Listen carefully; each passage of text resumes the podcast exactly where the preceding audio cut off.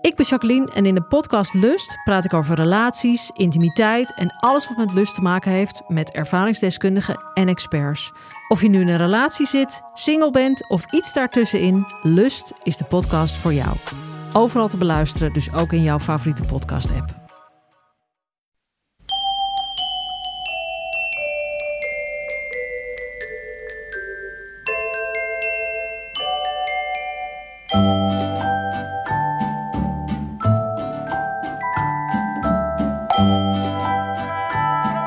Welkom bij aflevering 326 van Echt Gebeurd, de podcast waarin mensen hun eigen waargebeurde verhalen vertellen. In deze aflevering een verhaal dat Babs Gons in september 2019 vertelde tijdens een verhalenmiddag met het thema Huisgenoot.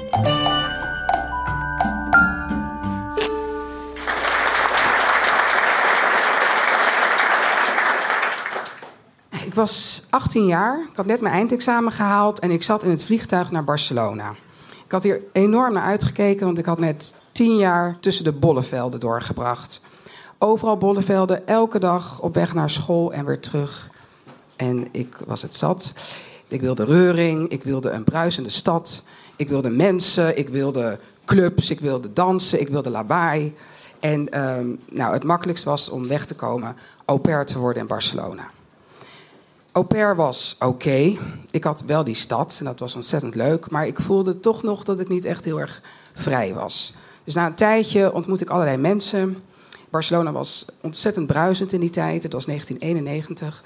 En ik ontmoette mensen uit de hele wereld. En ik ontmoette, uh, ik kreeg een nieuwe vriendin. En die heette Claudia. Die was in uh, Mexico geboren, opgegroeid in Texas. En die zei tegen mij: Kom bij ons wonen. Ons was een huis midden in Barcelona. Rosellón en Diagonaal, als je het kent. Dat is echt midden in de stad. En ik trok daar naartoe.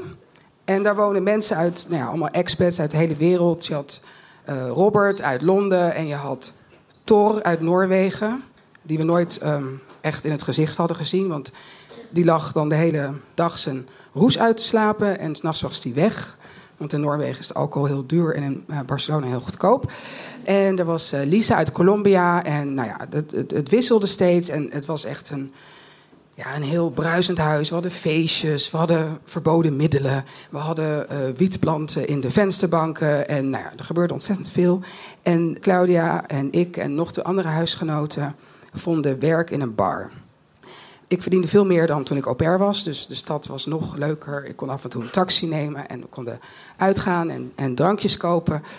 Um, maar op een avond was ik aan het werk en de deur ging open.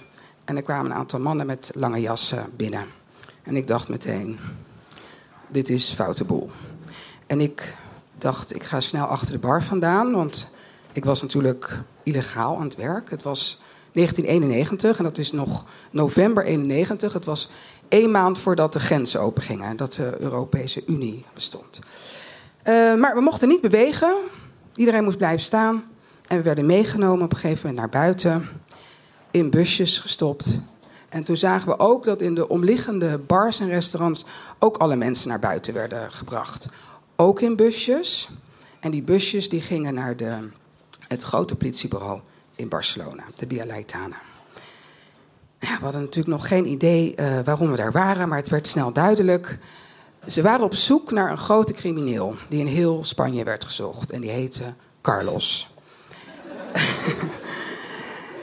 Wij werden één voor één een verhoorkamer uh, ingeroepen. Daar werd ons een foto laten zien van Carlos. En er werd ons gevraagd: um, ken je, heb je hem wel eens gezien, deze man? En ik dacht, nou, die komt me best bekend voor. Die is, heb ik volgens mij wel eens in de bar gezien. Maar ik dacht, volgens mij is het goed om nee te zeggen. Want we hadden ook een andere angst. Um, Claudia, die uit Mexico kwam. Uh, Maaike uit Nederland, ik uit Nederland. En had je ook nog Carmela uit Peru. En wij waren de vier buitenlandse meisjes die in, dat rest, in, de, in die bar werkten. En ook al wisten we dat het niet om ons ging, we hadden toch een beetje zoiets van... stel je voor dat ze daarna gaan vragen. Dus ik dacht, nou, ik zeg gewoon Nee, ik heb die man nooit gezien. En dan kunnen we snel weg. En we stonden in die grote hal van het politiebureau met al die mensen. En we waren allemaal klaar. En we waren een beetje zenuwachtig. Maar die bazin zei steeds: niks aan de hand. We mogen nu weg. Dus wij lopen naar de uitgang toe en we zijn er bijna. En we, nou, we zijn eigenlijk al bijna opgelucht adem aan het halen. En toen opeens hoorden we... Las cuatro extranjeras, por favor, vuelven. Dus, nou ja, hè, hart zonk in de schoenen. En uh, we werden meegenomen door een uh, vrouwelijke politieagent. En wij waren half in paniek. Dus wij zeiden van... Uh, maar kunnen iemand bellen? We hebben nog niet gegeten. maar ja, zij stelde ons gerust en ze zei... Jullie staan zo weer buiten. Het is vast een routineonderzoek. Wij gaan mee naar dat kamertje. Zitten daar heel lang te wachten. En op een gegeven moment uh, word ik een andere kamer ingeroepen. En er wordt mij van alles gevraagd: wie ik ben, wat ik daar doe, hoe lang ik dat al doe. Vervolgens word ik meegenomen. Eén trap naar beneden, nog een trap, nog een trap, zeven trappen naar beneden. En ik sta daar en ik, uh, voor een cel en die cel gaat open, ik moet erin en de cel gaat weer dicht.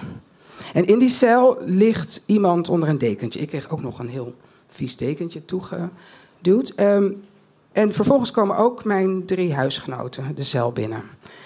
Dus wij staan daar een beetje zo van, uh, wat ligt daar? Het tuf haar kwam er onder het dekentje vandaan. Nou, die vrouw die werd wakker. En die was net zo verbaasd om ons te zien. En uh, nou, zij vertelde dat ze daar zat voor een roofoverval. Uh, en wij hadden eigenlijk niet zo'n goed idee waarom wij daar waren. En um, haar vriend zat ook daar in een van die cellen. Het waren allemaal stellen die ja, in een rondje daar zaten. En haar vriend had um, 41 roofovervallen op de naam. Dus wij waren echt nou ja, heel erg onder de indruk. Het is ons gelukt om die nacht uh, in slaap te vallen onder die vieze dekentjes. En uh, nou, de volgende dag werd ik weer naar boven geroepen. En stond ik in een kamer vol met mannen. En moest ik vingerafdrukken doen, foto's maken. Ja, en ergens kreeg ik ook een beetje slappe lach. Want ik dacht, wat doe ik hier tussen al die criminelen? Mijn huisgenoten hetzelfde. Vervolgens kregen we een advocaat. Een advocaat waarvan ik al meteen nou, niet zo'n goed gevoel had. Iets te strak pak, goedkoop pak, heel veel roos en ja, onaardig en onduidelijk. En hij kon ons nog wel vertellen dat we daar zaten uh, op drie beschuldigingen.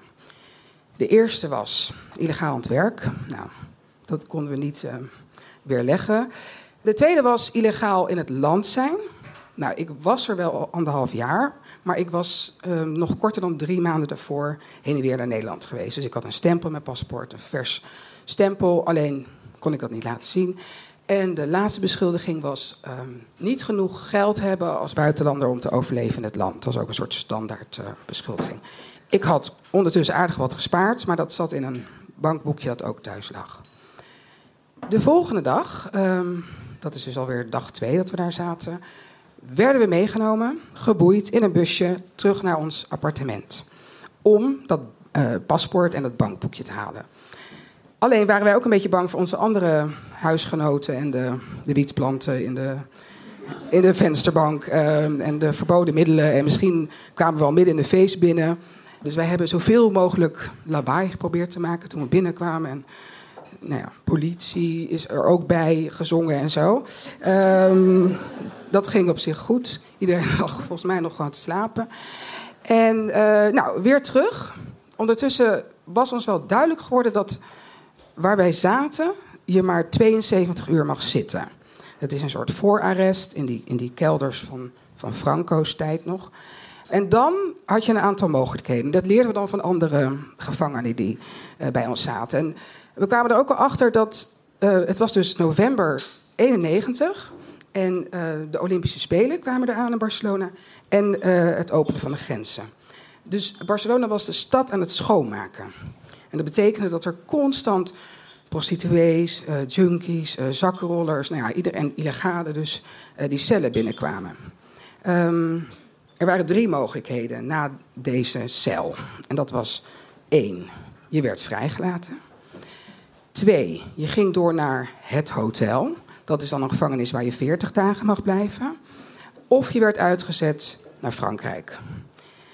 Nou, ondertussen hebben wij, ja, moesten we ons daar een beetje vermaken. Wat soms ook heel hilarisch was. Op een gegeven moment maakten we samen met andere gevangenen een choreografie. We maakten dansjes. Je moet jezelf een beetje vermaken. Het was soms ook wel een beetje spannend, want dan werden we opeens in een andere cel gezet, omdat die cel schoongemaakt moest worden. En dan zaten we daar met, ja, met heel veel junkies en mensen die er met open wonden, die eruit zagen alsof het niet meer lang zou duren. Dus het was ook best wel pittig. Maar we waren op een gegeven moment, de laatste dag was aangebroken en we waren echt aan het aftellen. We wisten 72 uur, dan moet er iets gebeuren. En wat ook heel spannend was, is dat wij uh, kaartjes hadden voor een concert van Soul to Soul. Jessie B. Op vrijdagavond. En dat was dus vrijdag.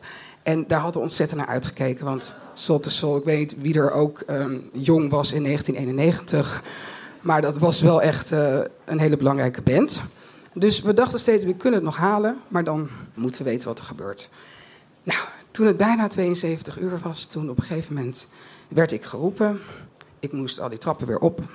Ik kwam in een kamer, ik kreeg mijn tas, die ik al die dagen niet had gezien. En ik werd uh, naar een deur gewezen.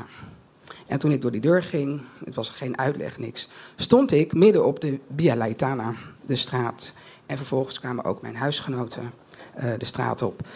En daar stond onze bazin, die niks van zich had laten horen. En die zei: Wat fijn, ik heb jullie vrijgekregen na deze drie dagen. We gaan het vieren. Kom mee. Iedereen wacht in de bar. En wij hadden zoiets van: nee, wij gaan douchen en wij gaan naar Soul to Soul. En dat hebben we toen meteen gedaan. En toen hebben we het nog een tijdje geprobeerd. Maar we merkten al heel snel dat de magie was weg. De betovering was verbroken. Eerst vertrok Maaike terug naar Nederland. Carmella, die vertrok terug naar Peru. En ik dacht, ja, moet ik dan weer terug naar al die bollevelden... waar ik zo echt uitgevlucht was. En een paar weken later zaten Claudia, mijn huisgenoot Claudia en ik... in het vliegtuig naar Mexico op zoek naar een nieuw avontuur. Dank je.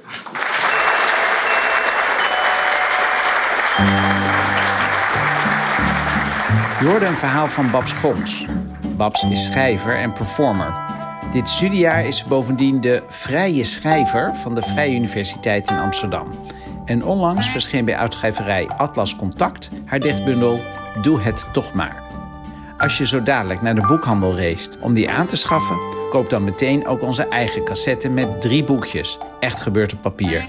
Daarin staan in totaal 72 verhalen uit 12 en een half jaar echt gebeurd. Dus dat zijn alvast twee cadeautjes voor Sinterklaas en kerst. Echt gebeurd op papier. En doe het toch maar van Babs Schons. De redactie van Echt Gebeurd bestaat uit Paulien Cornelissen, Rosa van Toledo, Maarten Westerveen en mijzelf, Micha Wertheim. Productie Eva Zwaving, zaaltechniek Jasper van Oorschot, podcast Gijsbert van der Wal. Dit was aflevering 326. Tot volgende week en onthoud, mocht je vast komen te zitten in een Catalaanse politiecel en de wanhoop slaat toe, dan kan je altijd nog overgaan tot het schrijven van een choreografie.